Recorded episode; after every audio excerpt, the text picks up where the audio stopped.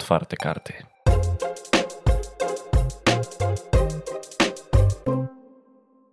Dzień dobry. Dzień dobry. Słuchacie podcastu Otwarte Karty. Ja nazywam się Jędrzej Jazgar. A ja nazywam się Józef Poznar.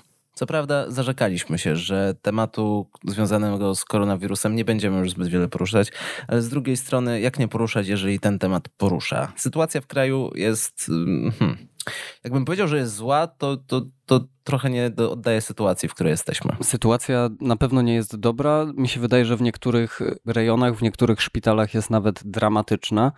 Codziennie czytamy jakieś artykuły, że karetki stoją po kilka godzin w kolejkach na szpitalne oddziały ratunkowe, że zaczyna brakować łóżek. Ja pamiętam, że takie przebudzenie, jeżeli chodzi o powagę sytuacji, miałem no właśnie w minionym tygodniu, kiedy w poniedziałek y, przewodniczący Sejmowej Komisji Zdrowia mówił, że z jego danych z Ministerstwa Zdrowia wynika, że dopóki nie osiągniemy poziomu 6-7 tysięcy zachorowań dziennie, to łóżek nie zabraknie. No i w środę się obudziłem i mieliśmy 6,5 tysiąca zachorowań. No i wtedy stwierdziłem, ok, chyba już jest naprawdę źle. Jest już naprawdę źle. Wydawać by się mogło, że rządzący nic sobie z tego nie robią, o czym zresztą mówiliśmy przy okazji rękawiczki Andrzeja Dudy, ale sytuacja od zeszłego tygodnia, no wydawać by by się mogło, nie mogłaby się zdać gorsza, ale taka też się stała.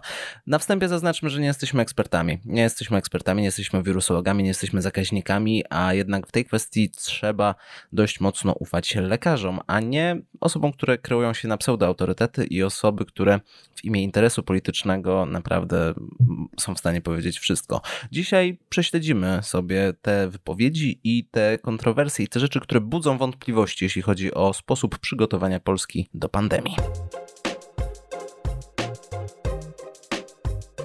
Zacznijmy może od sprawy, która mnie bulwersuje chyba najbardziej. Przy okazji kolejnych odcinków rekonstrukcji mówiliśmy, dlaczego to jest takie ważne, że tak się skupiamy na tej rekonstrukcji. Ponieważ przy okazji rekonstrukcji powiedzieliśmy chyba kilka razy, że to nie jest czas, kiedy rządzący powinni się zajmować wojenkami wewnątrz partii, tylko powinni się zająć przygotowywaniem kraju na nadchodzący kryzys gospodarczy. Wtedy głównie na tym kryzysie gospodarczym się skupialiśmy, zapomniawszy o tym, że przecież nadciąga jeszcze kryzys w służbie zdrowia, której ledwo zipała do czasu pandemii, a teraz to już mam wrażenie z ostatnich guzić do jej trumny. Chwała tutaj na szczęście lekarzom, pielęgniarzom, pielęgniarkom i wszystkim pracownikom służby zdrowia, którzy jeszcze jakoś e, ten wózek ciągną, bo gdyby nie oni, to naprawdę byłoby źle i co więcej, robią to za, przynajmniej niektórzy z nich, za naprawdę niewielkie wynagrodzenia. Dość powiedzieć chociażby o ratownikach, którzy protestują chyba od początku rządów PiSu. Z tymi ratownikami i z protestami, jeśli chodzi o rządy PiSu, ja muszę przyznać, że na początku tego tygodnia miałem takie delikatne przeczucie i całe szczęście w tej kwestii się na razie myliłem, ponieważ zalatywała mi retoryka rządu, która została uprawiana no, przez jednego z najgłośniejszych i najbardziej wokalnych rzeczników rządu we wszystkich sprawach, czyli Jacka Sasina, że będziemy mieli wzrost retoryki antymedycznej, antylekarskiej, że to lekarze staną się takimi kozłami ofiarnymi retoryki Prawa i Sprawiedliwości, które w myśl polityki ani kroku wstecz nigdy nie przyjmie odpowiedzialności za to, co robią, czym się zajmują, tylko po prostu będą szukać kogokolwiek innego, kogokolwiek, żeby przyjął tę odpowiedzialność za nich, no bo przecież oni no, no są święci i nic złego nie robią. I ta burza, która zaczęła się no, kurczę, przecież już przy okazji pierwszej fali pandemii mieliśmy do czynienia z nagonką na lekarzy, tylko to raczej było w kwestii takiej, że społeczeństwo w niektórych małych e, społecznościach lekarze byli wyklęci, no bo chodzili do tego szpitala, mieli styczność z tym wirusem i jeszcze przychodzą, przychodzą do domu i zarażają. Ale to nie tylko lekarze, Józef. Przecież ja pamiętam, że krążyło kilka takich zdjęć, na przykład na drzwiach mieszkania jednej z pielęgniarek, która pracowała w jednym z tych szpitali jednoimiennych. Y, ktoś zawiesił kartkę z napisem przyniesiesz nam zarazę do domów. No szykany w kierunku pracowników służby zdrowia były już na początku pandemii, natomiast teraz również padły słowa, które nie powinny paść z ust jednej z najważniejszych osób w państwie, czyli wicepremiera Jacka Sasina. Tak to ten od 70 milionów. Jacek Sasin stwierdził, że w walce z koronawirusem problemem jest postawa części lekarzy, którzy nie chcą wykonywać swoich obowiązków.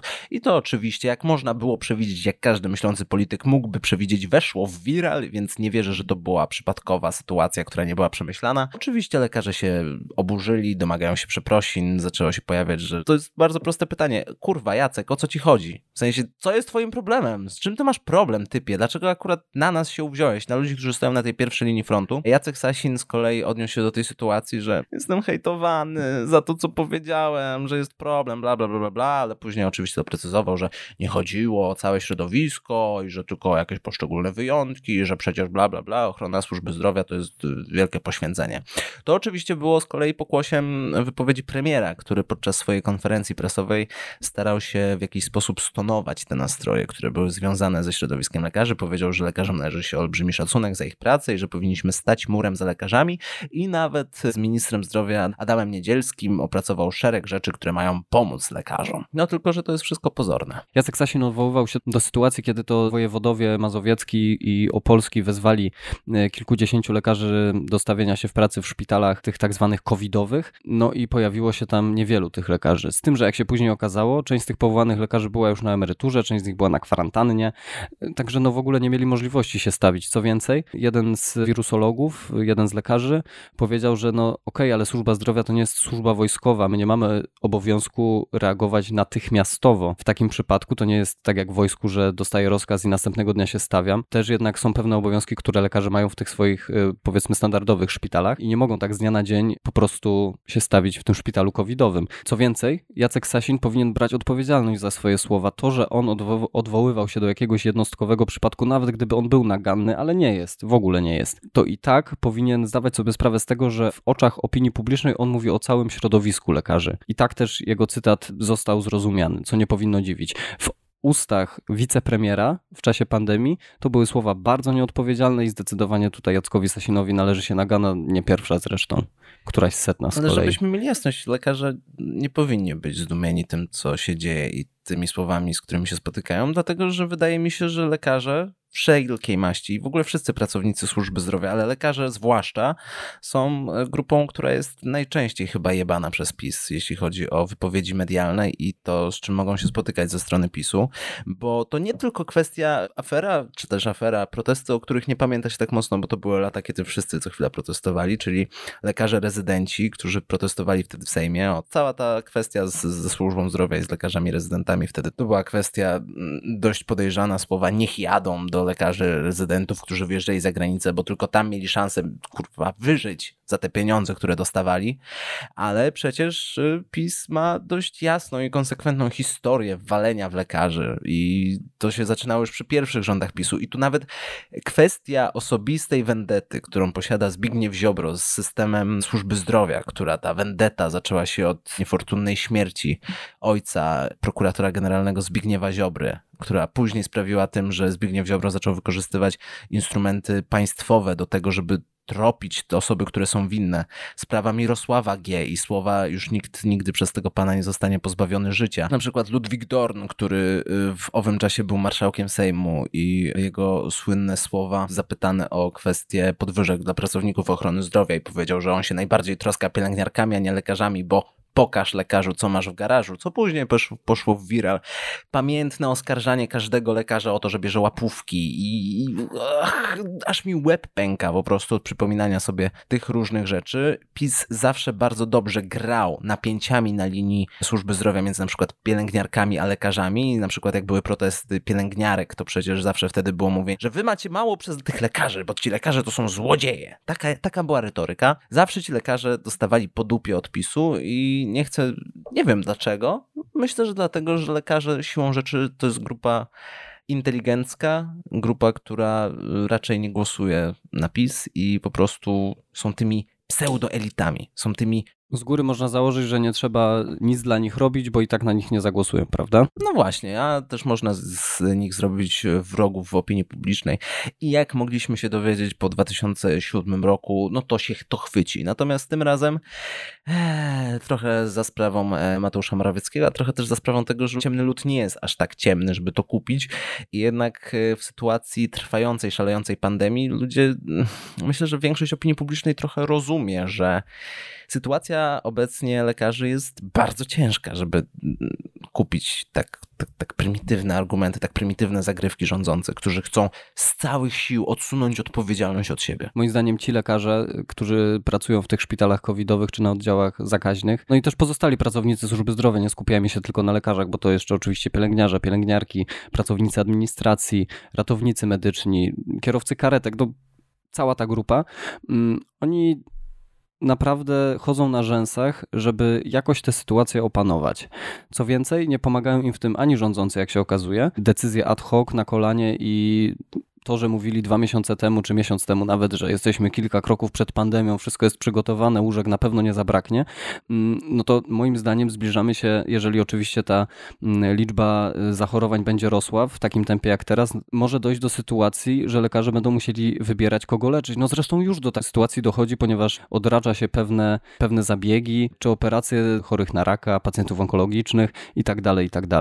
Rządzący skrewili po całej linii i w tej kwestii wszyscy eksperci eksperci ze środowisk akademickich, naukowych, medycznych są zgodni. Mieliście ludzie, mieliście pół roku to nie jest tak, że nagle jesteśmy zaskoczeni, o nie, druga fala, sko jak mogliśmy to przewidzieć? Tylko już na etapie kwietnia było mówione, że słuchajcie, okej, okay, nawet jak się to uda wypłaszczyć, a wtedy jeszcze to nie było takie wiadome, że się uda wypłaszczyć, nawet jak się uda wypłaszczyć, to lato może być gites, tylko że jesień z całą pewnością będziemy mieli drugą falę, dlatego że nałożą się na siebie różne czynniki.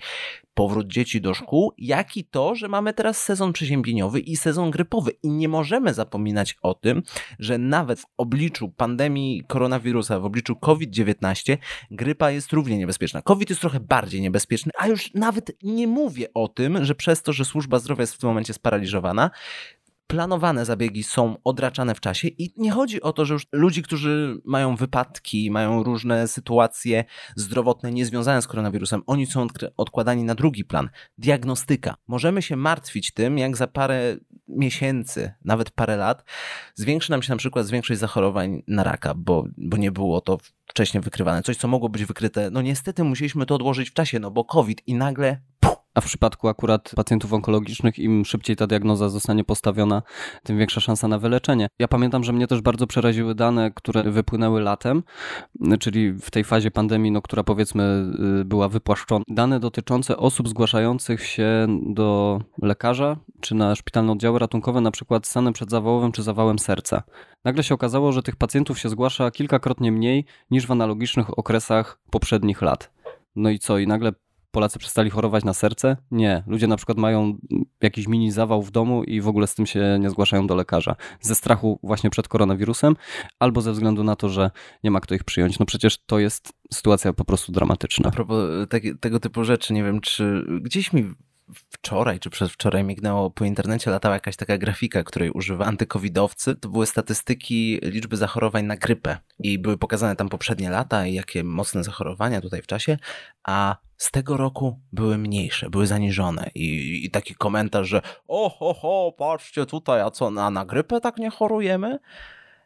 I gdzieś w tej całej dyskusji antykowidowej mam wrażenie, że tym ludziom umknęło, że hmm, te środki zapobiegawcze, jakie stosujemy, takie jak na przykład dystans społeczny, mycie, maseczki. maseczki, mycie rąk, czy nawet fakt, że wreszcie jest to mm, w jakiś sposób znormalizowane, że jak jesteś chory, to nie idziesz do pracy, bo ludzie się zaczynają bać, że to może mieć wpływ na to, że nawet na grypę są zmniejszone zachorowania. I teraz wyobraźmy sobie, że gdyby tego nie było, zachorowania na grypę byłyby normalne, takie jak zwykle, to ile by było tych zachorowań na COVID, gdzie mówimy o sytuacji szalejącej, rosnącej pandemii, Mówimy o sytuacji, w której cały czas zwiększa się ta liczba dziennych zachorowań na koronawirusa. Mówimy o liczbach pokroju 8-9 tysięcy w momencie, gdy to nagrywamy. Zapewne za jakiś czas będzie więcej, ale realnie jest tego 4-5 razy więcej, bo 20% wykrywalności mamy z tych testów, które są robione.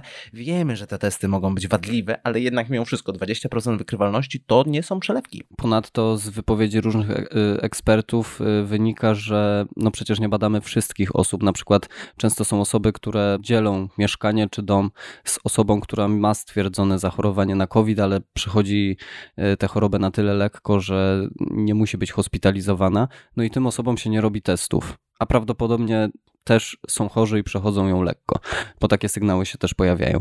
Y, także eksperci mówią, że tę liczbę zachorowań spokojnie można mnożyć razy kilka, kto wie, czy nawet nie razy dziesięć, czyli nie wiem, na przykład biorąc sytuację z minionej środy, kiedy tych zachorowań było ile? 6,5 tysiąca, no to możemy założyć, że mamy obecnie kilkadziesiąt tysięcy chorych w Polsce. I owszem, część z tych chorych będzie to przechodzić bezobjawowo, ale nie zapominajmy, że bezobjawowcy też mogą zarażać. To raz, a dwa, to jest rzecz, którym co prawda jest z nami 10 miesięcy już prawie, tym niemniej to jest bardzo mało w obliczu choroby. My nie mamy pojęcia, środowisko naukowe nie ma pojęcia, jak obecność koronawirusa będzie wpływała dalej na na powikłania, które się z tym, są z tym związane. To, że ktoś przejdzie COVID bezobjawowo, nie oznacza, że nie będzie miał powikłań. Przecież powikłania pogrypowe są równie niebezpieczne jak sama grypa. Więc dlaczego w przypadku koronawirusa miałoby być inaczej? Na przykład y, osoby, które przeszły COVID bezobjawowo lub lekko objawowo, y, czują się dobrze i nagle po dwóch czy trzech miesiącach się okazuje, że y, serce źle pracuje, że mają jakieś zwłóknienia na płucach. Nerki chyba i wątroba też są w tej grupie organów, które, gdzie mogą się pojawić powikłania pokowidowe i to może wyjść dopiero po paru miesiącach. Także nawet jeżeli jesteście w grupie tych osób, które nie są jakoś bardzo zagrożone COVID-em, w takim sensie, że nie będziecie przechodzić tej choroby bardzo ciężko, to to i tak powinniście chronić siebie i swoich najbliższych z tego względu, że po paru miesiącach może się okazać, że właśnie będziecie mieli jakieś powikłania związane z płucami czy sercem. My w tym momencie nie mówimy nic nowego. Jest spora szansa, że to wszystko, o czym mówimy, jest wiedzą dość powszechną, że ludzie zdają sobie z tego sprawę. Mówimy o tym dlatego, żeby uświadomić, jak ogromnej dupie wszyscy jesteśmy teraz. Nie tylko rządzący, którzy ponoszą za to lwią część odpowiedzialności za to, że nie byli w stanie nas przygotować. Nie byli w stanie nas przygotować prawnie, co udowadnialiśmy ostatnim razem, dlaczego podstawy do noszenia maseczek nie istnieją, chociaż teraz słyszy się, że ma być jakaś nowelizacja tego rozporządzenia, żeby raz na zawsze rozwiązać kwestię noszenia maseczek, ale to dalej, znając życie, to będzie bubel prawny, tak samo jak, no kurwa, bublem prawnym jest to, że mamy godziny dla seniorów, które już mówiłem ostatnio, że dla mnie są dość kontrowersyjne kontrowersyjnym pomysłem. One są strasznie durnym pomysłem. No przecież ja wiem, że to jest dowód anegdotyczny, ale powiem to. Byłem ostatnio w warzywniaku za kwadrans 10, czyli 15 minut przed rozpoczęciem się tych godzin dla seniorów. No i kto był w kolejce za mną i przede mną? Dwie starsze panie, tak na oko po 70 lat.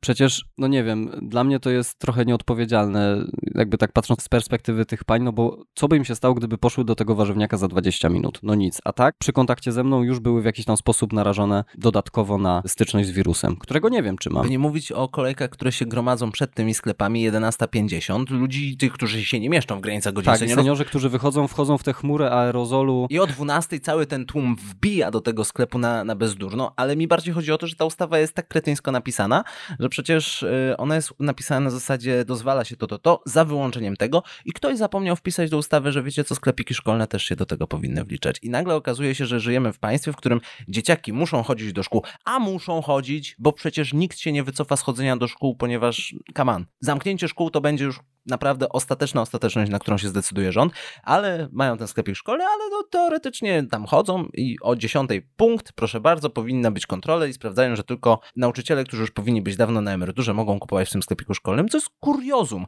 To jest rzecz błaha, to jest rzecz naprawdę marginalna, ale pokazuje stosunek podejścia do prawa. A jeżeli oni podchodzą do prawa, są ustawodawcami, podchodzą do prawa, które stanowią tak sposób lekkomyślny, no to wyobraźmy sobie, jak w kwestii zabezpieczenia medycznego do tego podchodzą, też do tego podchodzą na bezdurno. Mamy tego Mateusza Morawieckiego, premiera technokratę, który z jednej strony to jest dobrze i niedobrze. On jest technokratą w morzu ludzi, którzy posiadają poglądy dość kontrowersyjne, ale on jest technokratą, więc on, będąc premierem, martwi się o dwie rzeczy. Tożsamo martwi się o to, żeby mu ludzie nie ginęli, bo jak ludzie giną, no to trochę tracimy PKB i martwi się też właśnie o tą gospodarkę, co w całej tej dyskusji na temat tej zachorowalności, umieralności i tak dalej, nie powinniśmy zapominać także o kwestiach ekonomicznych i gospodarczych, które wiążą się z tą pandemią. Dobrze jest o tym myśleć. Natomiast pomimo tego, że Żyjemy w tej pandemii już któryś tam miesiąc z kolei. Obserwujemy inne kraje na świecie, jak one sobie radzą. Lepiej bądź gorzej. Są większa zachorowalność, mniejsza zachorowalność. Gorzej zepsuta gospodarka, lepiej zepsuta gospodarka. Wciąż nikt nie wyciągnął jakichkolwiek wniosków, jak sobie z tym radzić. Jesteśmy bezradni. Co więcej, nie zapominajmy o tym, że rząd już teraz tak znowelizował budżet, że ten deficyt jest sporawy. No i wydaje mi się, że już nie ma pieniędzy na jakieś tam kolejne wysokie świadczenia postojowe. Dlatego na przykład cały czas dochodzi do dyskusji, dlaczego pozwala się działać lokalom gastronomicznym, a zakazuje się działalności siłowniom czy lokalom związanym z branżą fitness. No dla mnie to też jest bardzo dyskusyjny temat, no bo przecież mi się wydaje, że objęcie tym tak zwanym lockdownem pewnych branż, a innych nie, wynika właśnie z tego, że rząd jest w pełni świadom tego, że po prostu zabraknie im świadczeń. No przecież jeżeli chodzi właśnie o branżę gastronomiczną, no to tam większość pracowników pracuje na umowach zlecenia, tych tak zwanych śmieciówkach, które się łapią właśnie na te świadczenia postojowe. Co więcej, teraz w tej nowej ustawie zmieniono jeden przepis, który dotyczy, kiedy powinna być podpisana umowa, żeby się łapać na to świadczenie. Wcześniej to był luty 2020 roku, teraz to jest kwiecień 2020 roku. Że jeżeli umowę się miało podpisaną w kwietniu lub wcześniej, no to należy nam się to świadczenie postojowe wynoszące 80% pensji. No i właśnie w przypadku na przykład zakazu działalności branżom gastronomicznym, no to mogłoby zabraknąć po prostu pieniędzy w budżecie na świadczenia postojowe dla tych pracowników. Wspomniałeś o budżecie i mi się przypomniała sytuacja z zupełnie innej epoki, bo z początku tego roku, tak jak są te memy mówiące o tym, jak beznadziejny jest rok 2020, że no pierwszego dnia nowego roku papież uderzył kobiety, drugiego dnia roku mieliśmy początek III wojny światowej. Wyobraźcie sobie, co będzie trzeciego dnia. No i w kontekście tego budżetu, o którym mówisz, nie wiem, czy pamiętasz, pamiętacie w ogóle sytuację z końca ubiegłego roku i początku nowego roku, kiedy pierwszym tematem w ogóle jakichkolwiek dyskusji był budżet i to, jak Mateusz Morawiecki dwoił się i troju, przesuwał tutaj te monetki, tutaj przekładał, tylko po to, żeby móc powiedzieć, słuchajcie, kurwa, spięło się, mamy budżet bez deficytu. Mamy, mamy budżet bez deficytu. No i wykrakał. I chuj się z tego stało. Przyszła pandemia i pogrzebała plany Mateusza Morawieckiego. Ale dość o sytuacji dzisiaj. Może przenieśmy się trochę w czasie, Józef, do roku 2002.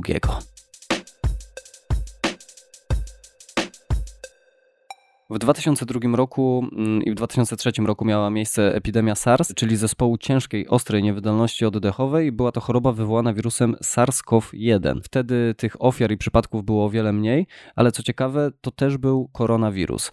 Mm, później mieliśmy epidemię ptasiej grypy w latach 2003-2006, ale jeżeli chodzi o koronawirusa, to jeszcze w 2012 też mieliśmy do czynienia z MERS, czyli bliskowschodnim zespołem niewydolności oddechowej. Też był to koronawirus, a chwilę wcześniej, czyli w 2009-2010 roku, to akurat chyba wszyscy pamiętamy, epidemia świńskiej, czy nawet pandemia świńskiej grypy. No i dlaczego tamte pandemie tak się nie rozprzestrzeniły na cały świat? To mnie zawsze bardzo interesowało. No i okazuje się, że po prostu między 2002 rokiem czy trzecim, a 2019 i 2020 jest ta różnica, że w 2000 roku ruch lotniczy na całym globie przewoził niecałe 2 miliardy pasażerów. Dzisiaj to jest prawie 10 miliardów przed pandemią. To spowodowało właśnie to, że ten wirus się tak szybko rozprzestrzenił. No i co więcej, Chiny też są wiele lepiej e, skomunikowane z resztą świata, jeżeli chodzi o połączenia lotnicze. I jeszcze jeżeli chodzi o tego wirusa, mm, żeby tutaj położyć kres jakimś e, teoriom spiskowym, które mówią o tym, że to jest wirus wyhodowany w laboratorium i że to jest wielki chiński spisek, żeby, nie wiem, ograniczyć populację, e, przejąć kontrolę nad gospodarką światową. Środowiska naukowe mówiły o tym, że nadchodzi kolejna pandemia kilka lat do tyłu. Powołam się tutaj na profesora Michaela Osterholma, który prognozował, że mm, w najbliższym czasie, w ciągu najbliższych kilku lat, dojdzie do kolejnej pandemii i że prawdopodobnym sprawcą tejże pandemii będzie zmutowana w kontakcie ze zwierzętami grypa lub któryś z koronawirusów e, i że on w jakiś sposób próbował nakłonić rządzących do przygotowania się na pandemię i co więcej opisał słabe punkty e, systemu i to, jak rozsypie się w starciu ze śmiercionośnym wirusem i że efektem tej pandemii będą nieracjonalne decyzje i zapaść gospodarcza. Prorok no chyba. Wydaje mi się, że jeszcze z tych innych czynników, które się jeszcze zmieniły w kontekście tych poprzednich pandemii i epidemii, jest to, że zmieniło się kompletnie nasze postrzeganie świata. I to wynika z rozwoju oczywiście internetu i mediów społecznościowych.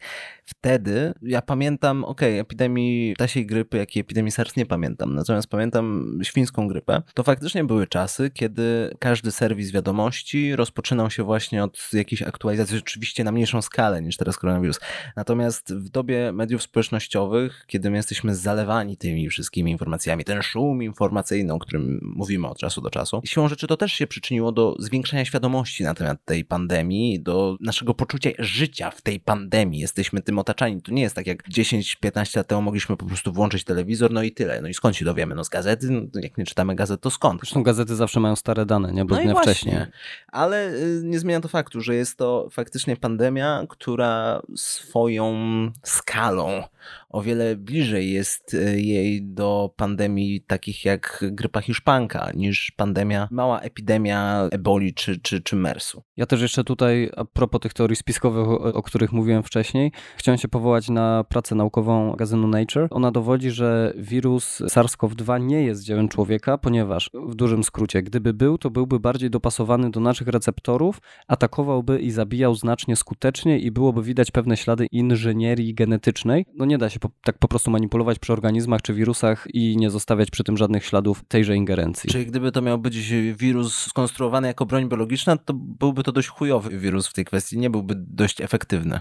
Można byłoby to zrobić lepiej. No śmiertelność jest wyższa niż przy grypie, no ale też nie jest jakaś bardzo duża. No Józef, ja naukowcem nie jestem, powołuję się na słowa naukowców. Dokładnie tak. Opublikowane w renomowanym czasopiśmie naukowym. A co do faktycznej genezy tego wirusa, to nie dość, że to prognozowali naukowcy zanim w ogóle ten wirus y, się pojawił, ale że najprawdopodobniej będzie to wirus odzwierzęcy, no to tutaj cały czas naukowcy twierdzą, taka jest najprawdopodobniejsza teoria, że wirus ten przeskoczył z nietoperza na inne zwierzę, czyli nosiciela pośredniego tak zwanego, a następnie z tego drugiego zwierzęcia na człowieka. Nie mamy informacji i nadal nie wiadomo, z jakim zwierzęciem mamy do czynienia w przypadku nosiciela pośredniego. Natomiast jest to podobny przebieg wypadków jak przy epidemii eboli. Tutaj akurat jeżeli chodzi o Chiny, to y, pamiętam, że na początku pandemii się mówiło o tych zupach z nietoperzy na targach w, właśnie w tej prowincji Wuhan, gdzie ta epidemia się zaczęła. Niestety dla wszystkich zwolenników teorii spiskowych mamy złe wieści. Znajdźcie sobie coś lepszego, jakąś lepszą teorię spiskową. No właśnie, przecież tych teorii spiskowych jest mnóstwo. Na pewno znajdziecie coś lepszego. Dobrze, mieliśmy rys historyczny, mieliśmy rys naukowy, oddając szacunek historii i nauce tyle, ile możemy, ale wracamy do polityki, do olbrzymich pierdół, które gadające głowy związane ze światem politycznym mogą palnąć. Ale też lekarze. No niestety, Stanisław Karczewski, senator, były marszałek Senatu. On jak zwykle miał najlepszą receptę. Polskie powiedzenie również jest takie, jedno jabłko z wieczora i nie ma doktora, więc ja zachęcam do jedzenia owoców. Pan naprawdę serio mówi teraz, że, ma, że metodą na koronawirusa będą grujeckie jabłka.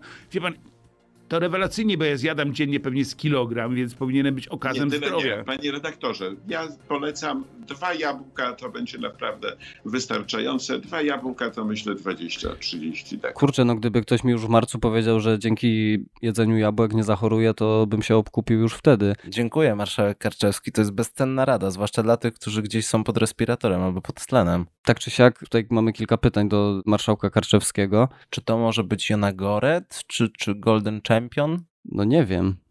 Może, a może polskie papierówki. Dlaczego nikt nie prowadzi badań na temat właśnie jakości rodzaju jabłek, a tego, jak skutecznie radzą sobie z walce z wirusem? W sensie. Ja też w ogóle mnie ciekawi, czy to trzeba jeść takie jabłka, no wiesz, w postaci surowej, czy na przykład sok tłoczony z jabłek też pomaga się chronić przed róż, różnego rodzaju chorobami. Nie wchodźmy teraz zbytnio w poziom satyry związany na przykład ze środowiskiem szkiełka, ale to, co powiedział marszałek Karczewski, to jest My staramy się tego unikać, czasami nam to wchodzi, ale staramy, jesteśmy tego świadomi, więc staramy się tego unikać. To jest takie bajdurzenie w imię bajdurzenia. Nie mam pojęcia, co powiedzieć. Ktoś, jakiś dziennikarz, dziennikarka zaskoczy mnie jakimś durnowatym pytaniem. Czyli trudnym po prostu. Czyli takim, co do którego nie mam przekazu dnia, więc jest z tym problem. Więc nie wiem, no co to powiedzieć. palne, no to palne, że jedno jabłko z wieczora i nie ma doktora. No, no fajnie, no to jest truizm, frazes. No to można mówić dzieciom, kiedy się chce je zachęcić do jedzenia jabłek, prawda? To jest tak samo jak pierdolenie, że śniadanie to jest najważniejszy posiłek dnia. No może jest, może nie jest, kto da, jakie to ma znaczenie. Marszałek Karczewski to jest moim... Lekarz. Lekarz. To jest moim zdaniem jedna z najsmutniejszych postaci w ogóle współczesnej kadencji Sejmu i Senatu. Dlaczego? No bo to jest człowiek, który w poprzedniej kadencji Senatu był marszałkiem Senatu. Był, był ważny. Kimś, był w ogóle, przyjeżdżał na posiedzenia partii i, no i, i, i, był marszałkiem Senatu. No to wiesz, tam tutaj jakieś fajne miejsce przy stole, tutaj jakieś tego. Przyszły wybory, okazało się, że PiS przewalił Senat i nagle... Tak o włos. Jak, no, o włos. I nie dość, że Karczewski nie może być marszałkiem, to jeszcze jakby tego było gorzej, to na tego marszałka powołują innego lekarza, też chirurga. No i ale chirurga, który brał łapówki, nie zapominaj. Oczywiście, że tak, a Karczewski nie brał, oczywiście, siłą rzeczy, no bo jest z PiSu.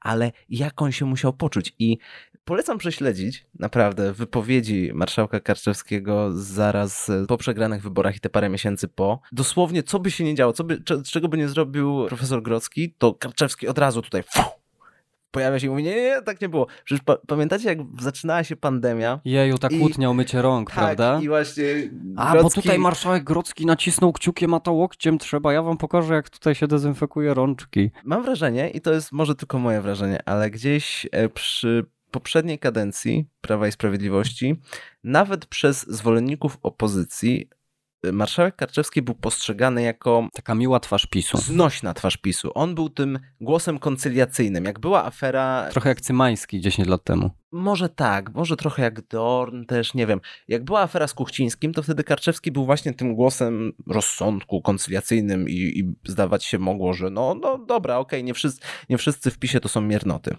Natomiast od czasu, gdy już nie jest u władzy, czegokolwiek się nie dotknie Karczewski, to to jest żałosne bądź śmieszne, a już najbardziej mnie rozczula, przecież był motyw taki, kiedy on ogłosił przy tej pandemii, on, on, on, on postawił się jak Rejtan i on stwierdził, że nie, słuchajcie, i też cały czas wskazywał na Grodzkiego, nie, słuchajcie, ja muszę przestać być senatorem, muszę być lekarzem, będę lekarzem. I przecież była akcja wtedy, że Karczewski zrobił sobie sesję fotograficzną do jakiegoś tam prawicowego czasopisma, nie wiem, czy to było w sieci, czy jakieś inne. No, że, tutaj, że tutaj w stroju, że patrzcie, marszałek Karczewski podwinął rękawy, przestał być politykiem i ratuje służbę zdrowia, a później się okazało, że no przyszedł na dzień, zrujnował ten sterylny kombinezon, już był do wyjebania, no ale co sobie zrobił zdjęcia, to jego. Ale jeszcze lepsza sprawa była z Karczewskim przecież, jak e, Karczewski nie dalej jak, hmm, kiedy to było? To było na początku września, kiedy Karczewski Na swoim Twitterze tutaj w maseczce i tego z gołym rękawem i pisze na Twitterze początek września to doskonały czas na szczepienia przeciwko grypie. Znalazłem wolną chwilę na dyżurze i jestem już po. Gorąco zachęcam wszystkich do szczepień. Warto. A skąd ja mam wziąć tę szczepionkę, no panie marszałku? No i właśnie dziennikarze zaczęli to sprawdzać. No i nie dość, że szczepionek nie ma, to nawet z tego konkretnego miejsca, z którego on miał tę szczepionkę, to tam też nie ma szczepionek. I zaczęto stawiać pytania. No dobra, chwila, chwila, a to skąd on miał te szczepionki? No i okazało się, że hmm, hmm, hmm, no się znalazła dla marszałka Karszewskiego. On miał to szczęście, a inni nie mają. Twoje szczepienie jest ważniejsze niż moje. No bo szczepionek, z tego co pamiętam, chyba miał trafić do Polski 2 miliony. Tak, ale Karczewski, on zaczął gdzieś tam drążyć na tym Twitterze, że no ja tę szczepionkę kupiłem w ogólnodostępnej aptece, czekałem na nią prawie, prawie tydzień czekałem, co jakby miało być, nie wiem, jakoś dużo. On chyba nawet na antenie w którymś wywiadzie wskazał, że to jest konkretna apteka w Nowym Mieście nad Pilicą i co? A dziennikarze pojechali do tej apteki i co się okazało, że to nie mają żadnych szczepionek. No i nie wiedzą, kiedy będą. No i tyle. No ale czy może mieli je tydzień wcześniej, jak Karczewski je kupował, czy nie? Nie wiem, no opcje są takie, że albo miał super szczęście, że tak wchodzi do apteki i mówi, no dobra, wie pan co, normalnie to jest trzy miesiące, ale akurat przyszła transza będzie za tydzień, nie? Albo bajduży. No pewnie on dostał gdzieś tam z jakichś... Albo dostał po znajomości, no. No ale to już są nasze domniemania. Tak czy siak Karczewski, marszałek, lekarz nawet mimo wszystko. Zdecydowanie na minus. Nie, raczej chciałem powiedzieć, że pomimo tego, że jest lekarzem i jest politykiem, kiedyś się wydawał bardziej racjonalny niż teraz, raczej nie jest tą osobą, co do której bym miał jakąkolwiek wiarę na temat tego. Nie jest, nie jest dobrym przykładem tego, że rządzący wiedzą, co robią, bo nie wiedzą. No i tego przykład mieliśmy przez ostatnie pół roku w tej tak zwanej walce z pandemią, gdzie no, pewne kroki były podejmowane za późno, pewne kroków nie podejmowano wcale. No i mamy sytuację, jaką mamy. Miejmy nadzieję, że do następnego tygodnia będzie lepiej. I z taką nadzieją zostawiamy Was. No, róbmy swoje, trzymajmy się. Może będzie lepiej, a może nie. I stosujmy się do oczywiście wszelkich zasad y, ostrożności, bezpieczeństwa, dezynfekujmy ręce, nośmy maseczki. Pamiętajcie, maseczki nie mają chronić was, tylko chronić innych. W przypadku, jeżeli wy jesteście bezobjawowcami lub, nie wiem, myślicie, że jesteście przeziębieni, a tak naprawdę macie COVID. Trzymajcie się, zachowujcie dystans społeczny, noście maseczki, obserwujcie nas na mediach społecznościowych i słuchajcie kolejnych odcinków Otwartych Kart. Ja nazywam się Józef Poznar. Ja nazywam się Jędrzej Jazgar. Wielkie ukłony do naszego zespołu researcherskiego Tomasz Pietrucha, Zuzanna Rajczowska. Bardzo dziękujemy za y, wkład w ten odcinek pandemiczny. No i słyszymy się w następnym odcinku. Trzymajcie się zdrowo. Do usłyszenia.